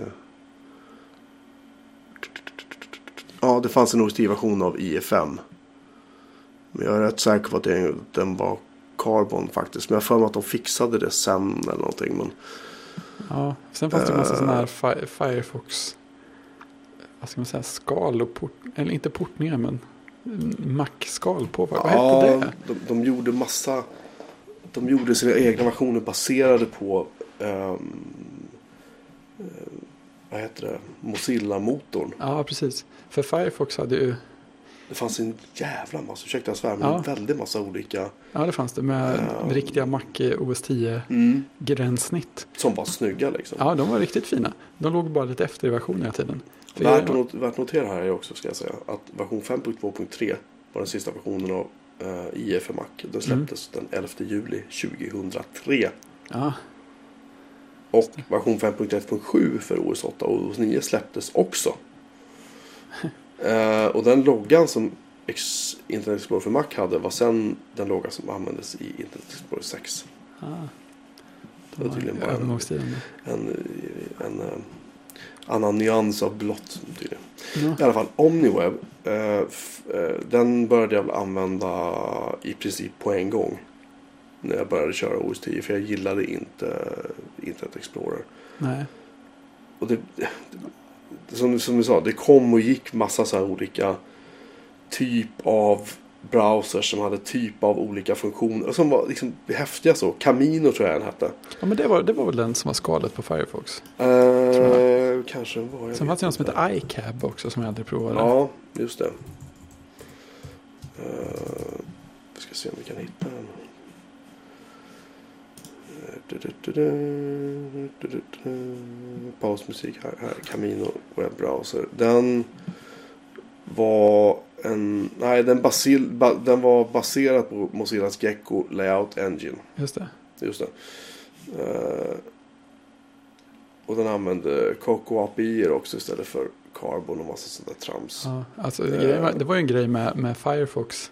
På tal om webbläsare som såg fula ut. Ja. Så var ju Firefox länge ganska fult. Precis som ja, de här Mozilla-applikationssviterna. För att en av grejerna som gjorde att Netscape 6 eller Netscape 5 aldrig dök upp.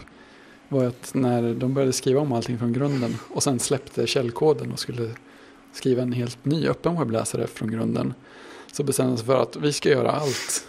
Vi ska göra allt från grunden. Man ska, det här blir en hel plattform och sådär. Så att de hade ju sina egna, sina helt egna system för att bygga gränssnitt och sådär. Och något som heter XPCOM som var Cross Platform Component Object Model. Och man hade ett XML-språk som heter SUL för att beskriva gränssnitt. Och det är precis en lika stor röra som det låter. Så att, eh, det, var därför folk, folk väldigt gärna tog Gecko som var en bra renderingsmotor. Slog in den i något helt annat för att få upp hastigheten lite grann och få det lite snyggare och sådär. Mm. Eh, jag är inte ens säker på, jag tror inte att Firefox har släppt allt det där än. Utan om man, eh, om man, om man utvecklar plugins och sådär för Firefox så tror jag att man kan fortfarande drabbas av de där grejerna. Jag tittade på den någon gång och det var staplar med saker på varandra.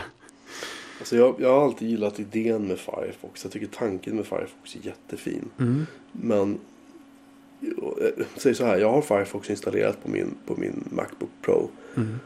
Just för att det är så här, när inte Safari eller Chrome fungerar. För det är just det jag ska göra just då. Är det bara Firefox kvar. Mm. Eh, Och det, så här, gamla SharePoint-sajter av någon anledning har jag upptäckt att om inte Oj. Safari och Chrome funkar. Då kan du attan på att Firefox kan du få det gjort. Det du behöver ändra i en gammal SharePoint. Ja, Av någon coolt. anledning. Just det, och Firefox är ju... Ja, det är, väl, ja det, det är väl Firefox och IE som håller fast vid sina egna renderingsmotorer fortfarande. Jag tror det. Ja, så det är, det, börjar, det är lite monokultur på nätet alltså. Ja. För att Safari, när den kom 2003, så spekulerades det ju, det hade ju spekulerats innan om Apple skulle göra en webbläsare vilken motor de skulle använda. Mm. Och folk hade, det som egentligen fanns att välja på som folk kände till var ju Gecko som Firefox eller Mozilla använder. Men eh, Safari tog istället ett projekt som heter KHTML. Vilket är en, en webbläs eller en renderingsmotor som hör ihop med KDE. Eh, vad det. kallar man det? Det är en skrivbordsmiljö ju för, för K- Linux. K- KDS, KDE är ett grafiskt gränssnitt på Linux. Ungefär som Mm. GNOME är. Mm. KDE De är har- person, kan säga personligen inte en favorit. eh, Just för att det är, de har alltid, KDE alltså det har ju funnits i jag inte, 15 år eller någonting. Men de har alltid liksom gjort en grej av att det ska, det ska, det, man ska, vara- det ska vara lätt att komma igång med. Mm. Underförstått, tycker jag, är att det ska se ut som Windows. Ja, Och det ser inte riktigt ut som Windows, men det ser inte heller ut som något annat. Någonting annat. Utan det blir bara, Ja, liksom. Jag, jag, gillar, inte, jag gillar inte KDE alls. Men, men ja, det stämmer. japp, den Eh, motorn adopterade Apple och så blev det WebKit. Nej, det blev först Webcore faktiskt. Sen blev det WebKit. Ja, de bröt inte loss det riktigt Nej. först. Um, jag gillade med Omni. Jo, Jag började använda den i princip omedelbart. Just det, den var ju sin egen motor så- också. ja, den använde från version, jag tror version 4 var det första jag använde. Jag hittade faktiskt serienummer för både 4 och 5. Jag köpte OmniWeb nämligen. Ja, det, För det, äh, OmniWeb var en av de få som lyckades sälja en webbläsare och ta Ja. betalt för det. Men det var just därför att OmniWeb var väldigt duktig på standarder och den var snabb. Och den var liksom, den kraschade inte på macken. Bara så här små parenteser. grejer och liksom de använder Quartz för att rendera bilder och sånt. Den använder liksom Aqua-gränssnittet, så massa features och så. Eh, för att göra den snygg. Och de bytte i samband med att de släppte version 5. Så istället för att ha tabbar uppe i webbrowsers överkant som vi har nu i Safari och Chrome och sådär. Så hade de som en liten som en liten, som jag säger, som ett litet fält som scrollade, som var fälld ut på vänster sida om browsern. Ja, det har jag sett Och bilder där på. fanns det små skärmbilder på de tabbar du hade uppe. Ja, Och det var så fruktansvärt snyggt. Eh, och det finns, du kan ladda ner OmniWeb 5.6 eller jag tror den är nyare förresten nu. Från deras hemsida. Jaha, funkar Den fortfarande? funkar, funkar. för- De uppdaterar den fortfarande så den Nej, funkar för gör den det? 10.11. Ja. Jag var, jag var så säker på att det var nedlagt. Men Nej då. Jag visste att den Det- höll i länge. De har slutat sälja den bara. Ja, ja, okej. Eller jag tror 6.0 kanske släppt till och med. Ja. I alla fall. Den uppdateras fortfarande. Jag tror inte att de lägger in så mycket nya features. Men de Nej, ser till att den funkar på. Och den använder sedan eh, version 5.5. Då började den använda WebKit. Ja, okej. Och blev en Universal Binary. För det var ju ungefär, det här var så 2006. Ja, just det. Så då så, det var ju samma med att de bytte från Ja. PowerPC till Intel. Ja. Eh, men det var faktiskt ganska under en lång tid också som Apple faktiskt bundlade med eh, OmniWeb i OS 10. Mm. Ja, Det behövde finnas en bra webbläsare med. Ett tag i alla fall gjorde de det.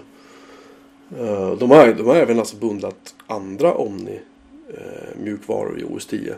Eh, Ja, outliner Om- och sådär. ja, de har OmniPlan vet jag var med. OmniGraph eller jag för mig var med Graph också. det. Ja, det här, det här måste ha varit på PowerPC-tiden. Ja, men det var, det var Eh. det absolut. Det, jag kom, första macken jag kom i kontakt med var en, iBook som min mamma fick genom jobbet. Och där, där var det definitivt Omni-program med. Ja, um, grejen är att anledningen till att jag gillar OmniBob också är för att den började egentligen utvecklas för Nextstep. Mm. Fina grejer. Uh, nu ska vi se. Uh, jag får rätta mig lite grann det jag sa just. Alltså för 10.10, OS 10, 10.10 så finns det test uh, builds. Alltså du kan ladda det. Det finns ingen skarp så. Men jag har kört dem och de funkar alldeles utmärkt. Ja, det du- duger bra för mig. Men den, uh, jag rekommenderar alla att pröva den. Den är faktiskt ganska...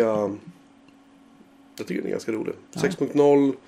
Den senaste kom eh, 25 augusti 2015 så att okej, de har inte rört den på ett tag. Vi drar, vi drar. Det är inget vi drar ner undantag den. i sammanhanget. Vi drar ner den ändå. Sen Ja. sista stora webbläsare ut var ju Chrome. Vad tycker vi om Chrome? Jag är jättekluven till Chrome. Mm. Eh, jag, jag, tycker att, jag tycker att Google har gjort liksom de har gjort ett jättejobb med Chrome. För när Chrome kom så var det verkligen, den var snabb. Men jag kommer ihåg Ja, när den kom. För då var, då var Safari var lite så här. Eh, Ja. Den var okej men det var liksom inte eh, sådär liksom. Och, och det fanns liksom inte så många andra alternativ. Och OmniWeb hade man liksom, den började bara tappa farten lite grann. Och, ja, men visst. men när, jag vet när Chrome kom, den kom väl för Windows först har jag för mig. Ja, jag kommer Sen ihåg att det var också sån här grej. Att jag installerade den på några jobb laptops som körde Windows och var så här allmänt sega. Och Chrome, Chrome flög ju fram på dem också. Ja. Det var ju helt magiskt. Och det gör den fortfarande. Ja, Det tycker jag är lite roligt att Chrome är så fruktansvärt snabbt. ja, Det är ju snabbare än Den är snabbare än Safari på mycket kan jag känna. Och sen Jag märker ibland med Safari nu i 10.11 att om det, om det är någonting som inte vill ladda. Av någon anledning så står Safari bara och mm, så här, det händer ingenting. Mm. Okej, då tar jag samma URL och pastar in den i Chrome och pang så laddar den. ja. Ja, precis. Nej, alltså Google är ju, de är ju rätt bra på grejerna de gör. Det är mer så att man inte vet vad man tycker om Google. Men sen, sen, är, sen Google har ju alltså att de Det kommer nya versioner hela tiden av, av, av Chrome. Ja. Och det kommer liksom De har en egen En egen flashmotor. Det kan jag känna väldigt trevligt. För Ja, slipper jag det flash. Det är ju den grejen som jag, gör att jag har Chrome först och främst. Jag, Ja. jag, jag har inget Flash installerat på min dator i övrigt. Men jag tar fram eh, Chrome om, det, om jag behöver titta på något som är Flash. Så det, det är en viktig funktion. Och sen är de ju, ja, de är inte ensamma om det, men de har ju väldigt bra verktyg för oss som utvecklar webbgrejer. Ja, det finns ju en eh, Den här som man använder för att ehm, eh, Vad heter det? Um, det var, alltså den här man kan hålla på att Söka, titta källkoden och söka efter fel och såna grejer liksom. Mm. Developer någonting, någonting. Ehm, som är sjukt. Alltså, någonting som, det där kanske du kan svara på. Mm. I Safari. ja, Det har alltid funnits en så här, titta på, käll, alltså titta på källkoden Just för en det. webbsida. Eller hur? ja. Och nu när man gör det i Safari så tycker jag att man ser, man får, jag vill bara få upp ett fönster där källkoden är. ja. Men det finns ju inte längre. Eller gör det? Eh. Det finns någon sån där jättereto. Jag brukar få upp den ibland av misstag. Jo, visa sidans källa. Allt kommando U. Ja, just det. Då får, ja, du får i och för sig upp den i eh, utvecklarverktyget. Men eh, det är källkoden. Oh, källkoden rätt upp och ner. Det är ju resurser-fliken i Allt kommando. Måste man slå på så här developer-läge i Safari? inte för att alls det omöjligt. Så kan det nog faktiskt vara. Advanced. Jag ska Det säga, Safaris utvecklarverktyg är också fantastiskt bra. Viss, vissa saker är faktiskt skarpare på en Chrome. Men eh, det är också en sån grej där Google har lagt andra prioriteringar. Deras- Precis, det är det här jag menar. Här får jag upp. Den lägger som en flik under själva webbsidan. Ja, men du har en liten knapp eh, uppe till höger eller uppe till vänster som kopplar loss den. Varför ska det här vara så svårt för? Det där är i och för sig snyggt. Jag kan klicka på ett kryss och så kan jag säga. Så kan jag hålla krysset eller ett sikte över en viss bild. Ja, just det. det är Det är för sig snyggt. Ja, Ja. den, kan, den kanske är bra då. Jag tar tillbaka. Alltså den, den är bra. Det, skulle, det, det som, som skiljer lite grann från eh, Chrome är att den äter minne och blir seg med tiden. Alltså det, är Ja. fascinerande hur, hur mycket resurser webbutveckling kan äta från en dator. Man har Men- utvecklat verktygen igång istället. Men ska man vara ärlig så är det så att Chrome är också väldigt duktig på att käka minne. Ja, Har jag för mig. jo, men det, det händer absolut. Det, och, och, Firefox ska vi inte tala om heller. Nu får, du, nu får du en bild i slacken ska du få se på hur, så, hur, eh, hur uh, OmniWeb ser ut nu för tiden. Oh, det här är ju grejer. De bara, flikarna är ganska smarta. Alltså hörni, om ni lyssnar på det här och undrar vad, vad håller de på med nu? Testa OmniWeb. Alltså den är ju sagt, den är ju inte, Den var väldigt ren och fin får jag säga. den är väldigt clean. Den, det sista bygget är alltså gjort Nyss. 25 8 2015. Så att det är inte så länge sedan ändå. Nej, verkligen. Eh, och den funkar bra. Tycker jag. Mm. Den renderar typsnitt snyggt. Den renderar bilder snyggt. Eh, ja, det finns inte mycket att klaga på där. Om man nu vill ha någonting liksom alternativt. Jämfört med dem. För att, alltså, ska vi vara lite ärliga och säga att Safari nu för tiden. Jag vet inte. Nej, det är folk. Jag, jag gillar inte Safari riktigt längre. Nej, alltså jag, jag skulle nog använda Chrome mest hela tiden om jag inte gillade eh, integrationerna med mina eh, AI-enheter. Typ att man kan se vilka flikar jag öppnar på andra datorer och eh, man sparar sina lösenord i nyckelringen, vilket jag fortfarande gör en del. Och så att det liksom synkar över av sig själv. Det är egentligen de grejerna som mest får man använda Safari just nu. Mm. Och jag menar synkningen går ju att få med om jag skulle köra Chrome överallt också. Eller, jag vet inte hur det är med Firefox men Chrome har det ju definitivt. Jag tror Firefox har någon motsvarande synkning också men eh, nej. Ja, Här, här är en sån här. här är en sån här grej som jag. ehm, med Safari som jag irriterar mig på. Mm. I URL-fältet på Safari så kan du också använda det för sökningar. ja just det. Inga problem. Om jag nu skriver in en sökning där. Och så vill jag sen få upp sökvägen till sökresultat. Alltså till den Google. Där du hamnar hos Google. För att. Där den visar resultaten för min sökning. Ehm, och ibland så kan man trycka escape eller någonting där uppe. Så kan man få fram den riktiga adressen. Och Ja, ibland, det. ibland så kan man ehm, Precis. Ibland så kan du markera det som står där uppe. Om jag söker upp mitt namn exempelvis. Så markerar jag det, pastar in det i ett textdokument. Då får jag upp den riktiga URLen till sökningen. Men varför kan den inte bara visa hela URLen? Jo, och det finns en option som heter Smart Search Field. Kan man kli- klicka i den och så står det Show Full Website Address. Mhm. Men det gör den inte. Ja. Eh, när man söker verkar det som. För om jag går in på min hemsida, Mac Pro, så skrivs URLen ut. Ja, men inte när du söker. Eh, nej, Nej, jag kan, jag jag tror inte den skrivs ut när man klickar ur den också. Jag vet inte om det är en bugg eller vad det är. Och Apple slår sig för bröstet och säger att Safari är så mycket mer strömsnålare. Och det är det. Chrome, Chrome eldar ström så det bara sjunger om dem. Ja, det har jag hört också. Ja. Eh, den är väldigt duktig på det. Den är, inte, så- den är inte så optimerad på macken om jag uttrycker mig milt. Nej. Men jag tycker att Safari har blivit jobbigare att arbeta med. Just det här att den ska fylla i lösenord i massa fält. ja, den kan göra fel på som det är roligt. Ehm, jag kan ta ett väldigt bra exempel. Både du och jag använder den här spamtjänsten som heter Inumbo. Yes. Som är fantastisk på alla sätt och Ja, vis. Om man går in med Safari i en domän. Och så säger man så här att nu vill jag gå in och redigera servern. Som mejlen ska skickas till från spamfiltret. Ja. Då finns det ett fält där det står SASL username. Det är alltså om, den, ska- om, om, om Inumbo ska autentikera sig hos den mottagande mailservern. Mm. Och grejen är, grejen är, vad gör Safari då? Jo, då fyller den i min mailadress. Ja, det är hjälpsamt. Mm. Och så tar jag bort den. Då kommer det upp ett fält. Ja, men ska du inte lägga till den här? Nej, det ska jag inte. Sen gäller det att passa sig väldigt noga för att när du klick, om du klickar på, om du gör en ändring där nu. Och råkar gå ner, alltså, då är det, alltså risken är att den lägger in det precis när du har ändrat någonting. Ja, den där grejen hade vi.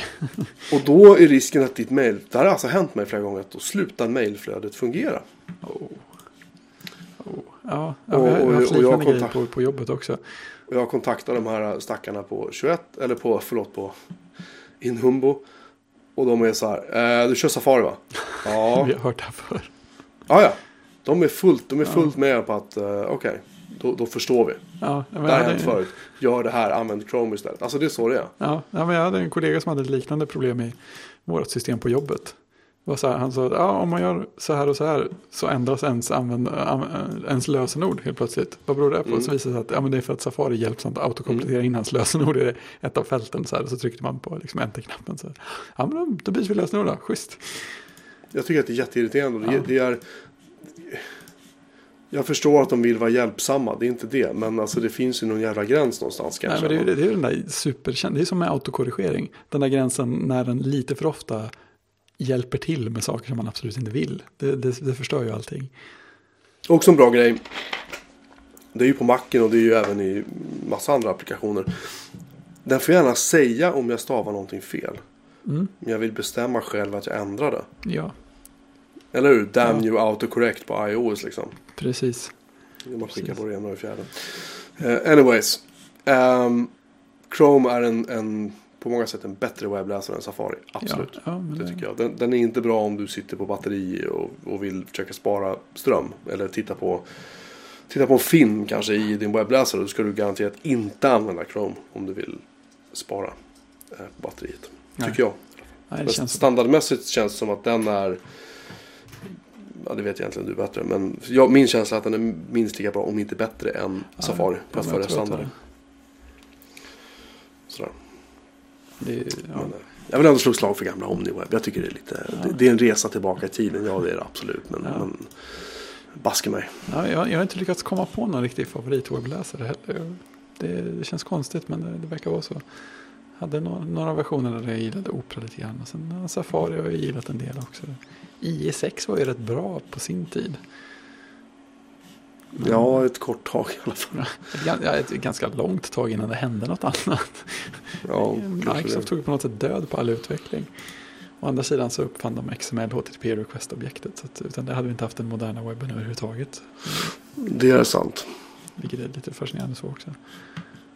De gjorde ändå en del bra saker där.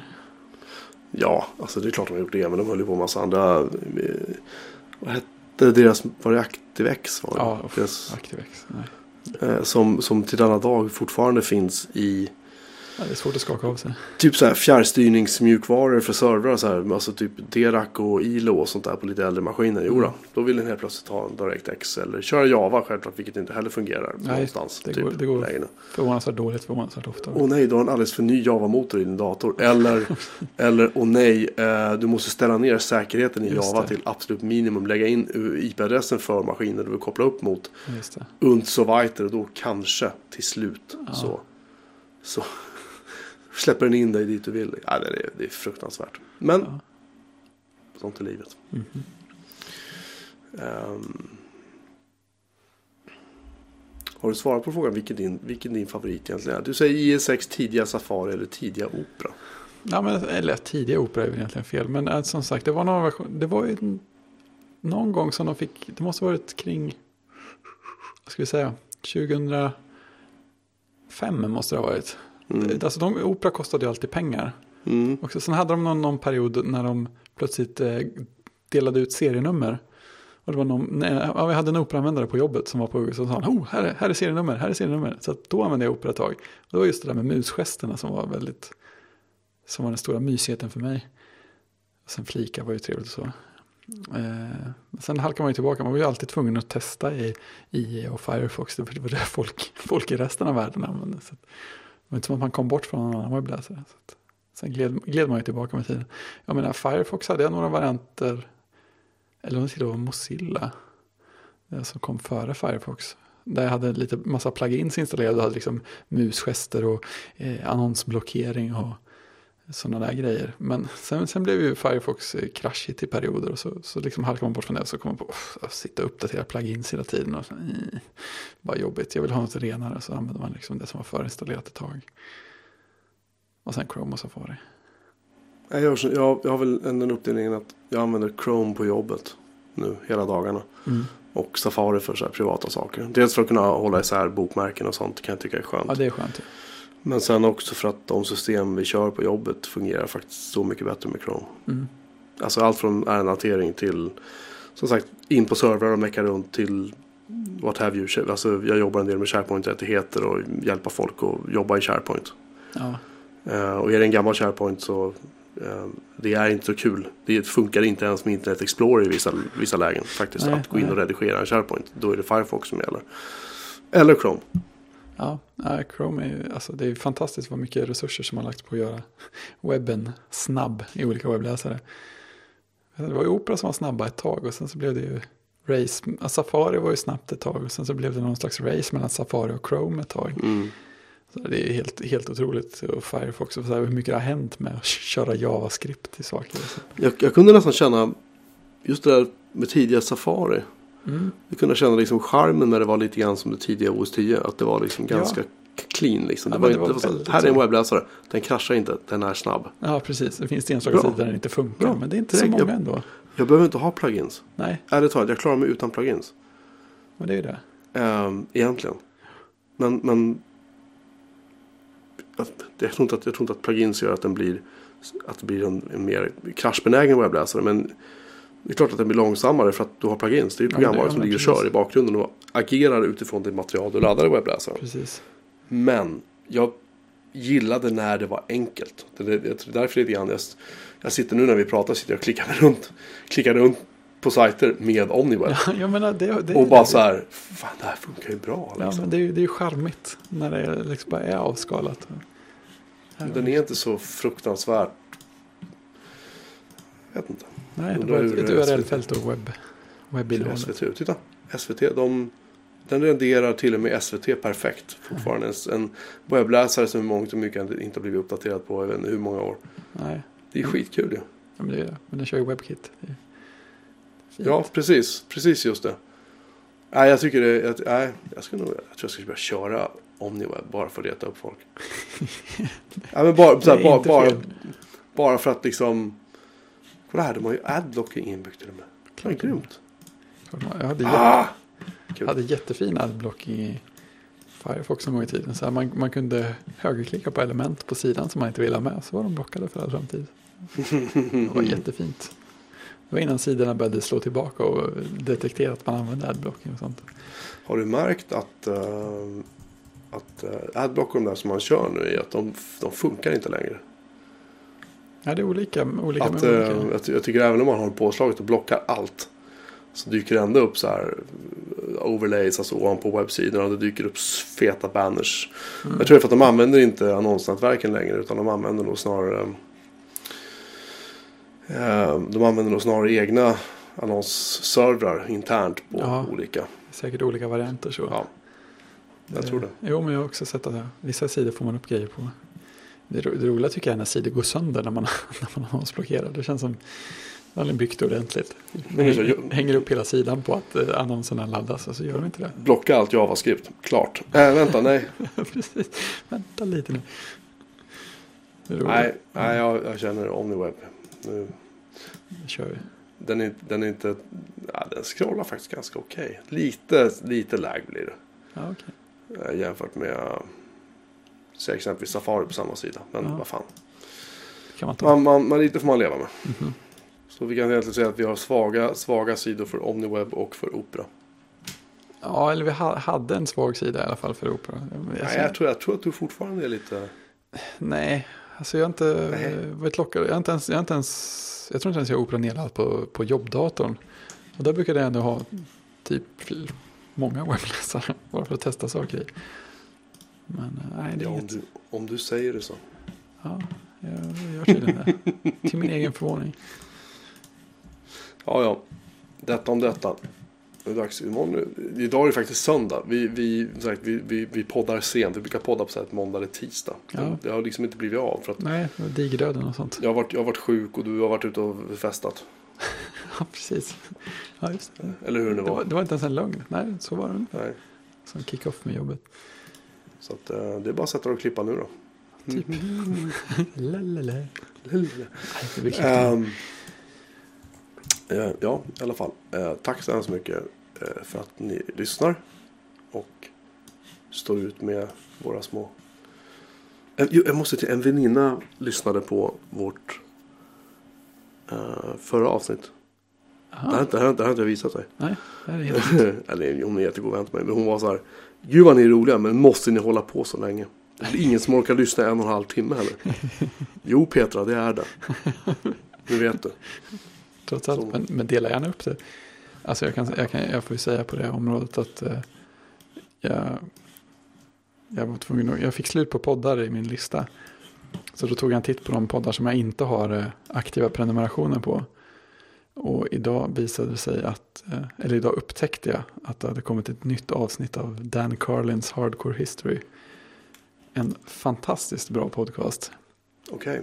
Eh, just nu eh, gör han en serie om vad ska man säga, det persiska imperiet. Mhm. Och eh, ja, jag, har jag har lyssnat halvvägs i det här avsnittet. Det är, det är 4 timmar, 15 minuter, 42 sekunder. Herregud. Och det är bara en, det är en kille som pratar historia och han gör det så sjukt bra. Man blir helt uppslukad direkt. Det- Ja, Perfekt för mig som sitter och sitter och eh, lyssnar på i tunnelbana och tåg och så varenda Ja. morgon och varenda eftermiddag. ja jag tycker den, är, den är grym. Det kommer ganska sällan också så man hinner hålla sig, hålla sig ajour. Ja, det är sjukt bra. Den, vi lägger in en länk till den i eh, Absolut. vår länklista. Yes. Kära vänner, eh, tack för att ni har lyssnat. Bjureman.se at Jag förlåt. skickar dem till min hemsida istället. Busigt. Eh, ja, varför inte. Bjuremanmelin.se eh, at Bjuremanmelin på Twitter. Twitter. Hej att bjurmanmelin.se på sån mail. Tack. Hörni Sverige, eh, vi har ett resultat. Sov eh, gott så hörs vi. Hej då!